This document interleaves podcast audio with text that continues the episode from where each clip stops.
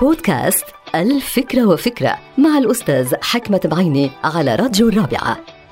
لقد قيل الكثير عن الصمت الداخلي وعلاقته بالذات البشرية قيل أنه طاقة داخلية بتساعد الإنسان على التركيز وهو قدرة غير مرئية بتخلق حالة من الهدوء والسكينة. هو تأمل ذاتي بيساهم في تهذيب النفس ومحاربة اليأس والاكتئاب.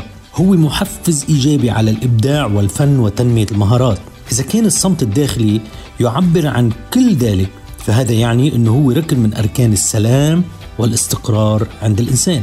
هو سلام حقيقي يقوم على مبدأ المصالحة مع الذات والتسامح مع الآخرين والعفو عما مضى. من خلال هيدا السلام الداخلي بيتمكن الصامت من السيطرة على انفعالاته السلبية والارتدادات الثأرية.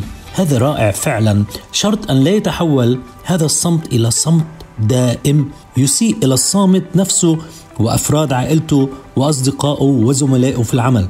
فلا تتردد من ممارسة الصمت الداخلي ولكن تجنب الصمت عن الكلام الطيب والتواصل مع الناس ولا تبخل عن النطق بالكلام الإيجابي. الصمت الداخلي شيء والصمت عن الكلام الطيب والإيجابي شيء آخر. انتهت الفكرة. هذه الحلقة مقتبسة من كتاب الفكرة وفكرة.